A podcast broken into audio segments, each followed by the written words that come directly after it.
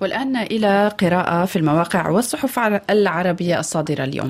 هي معك أمل بيروك. تبدأينها من صحيفة العربي الجديد التي تساءلت لماذا زار أردوغان القاهرة؟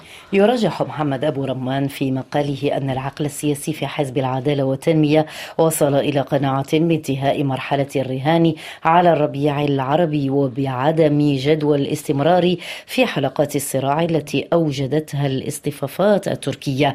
وبضرورة ترجيح مصالح تركيا الواقعية على تلك الدفعة الروحية الإيديولوجية التي ولدتها لحظة الربيع العربي بخاصة أن أردوغان وجد نفسه محاصرا ومعزولا من أطراف دولية وإقليمية عديدة وهو بحاجة إلى تصفير مشكلات عديدة وإنعاش الأوضاع المالية في تركيا والدخول في شراكات استراتيجية وتوافقات إقليمية بما يخدم مصالح تركيا الإقليمية.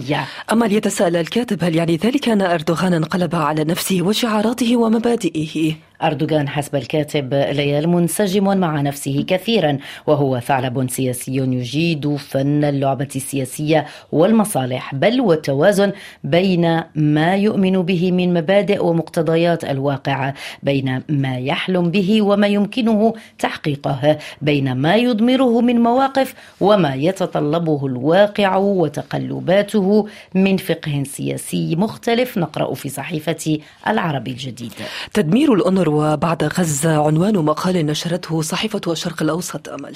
كتب عبد الرحمن الراشد أنه لا يمكن وقف الاونروا ولا إيقاف الدعم عنها لأن ذلك عمليا سيتسبب في مأساة كبيرة إلا بعد وضع نظام إغاثي بديل أو تعديل النموذج الإغاثي الحالي. فقد سبق طرح اقتراحات من بينها إيجاد الوظائف والأعمال بدلا من تقديم الأرز والدقيق.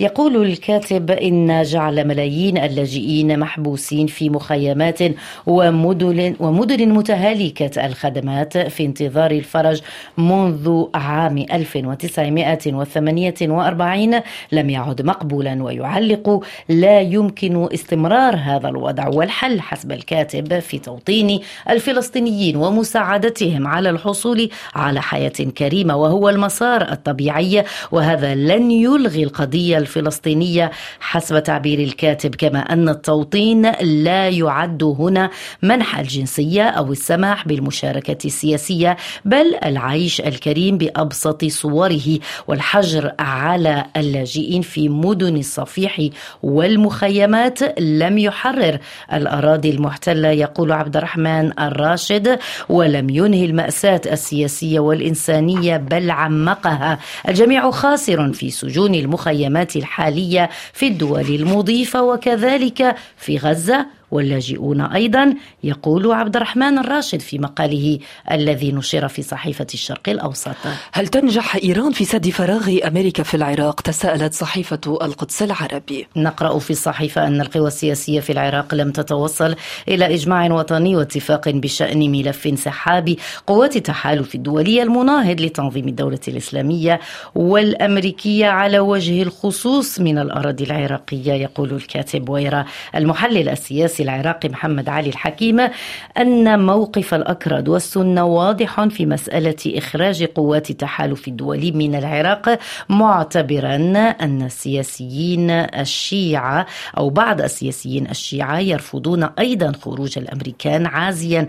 السبب في ذلك إلى الحفاظ على مكتسباتهم منذ عام 2003 السياسي العراقي المستقل عمر الناصر يقول لصحيفة القدس العربي إن خروج خروج السوداني من الكلاسيكية المتبعة في إدارة ملف السياسة الخارجية التي كان عليها رؤساء الوزراء السابقين وانفتاحه الجاد على دول العالم أبرز ما يميز خطوته الجادة في جعل التوازن والاحترام المتبادل والمصالح المشتركة القاسم الذي يؤسس لعلاقات استراتيجية مع دول العالم. شكرا أمل.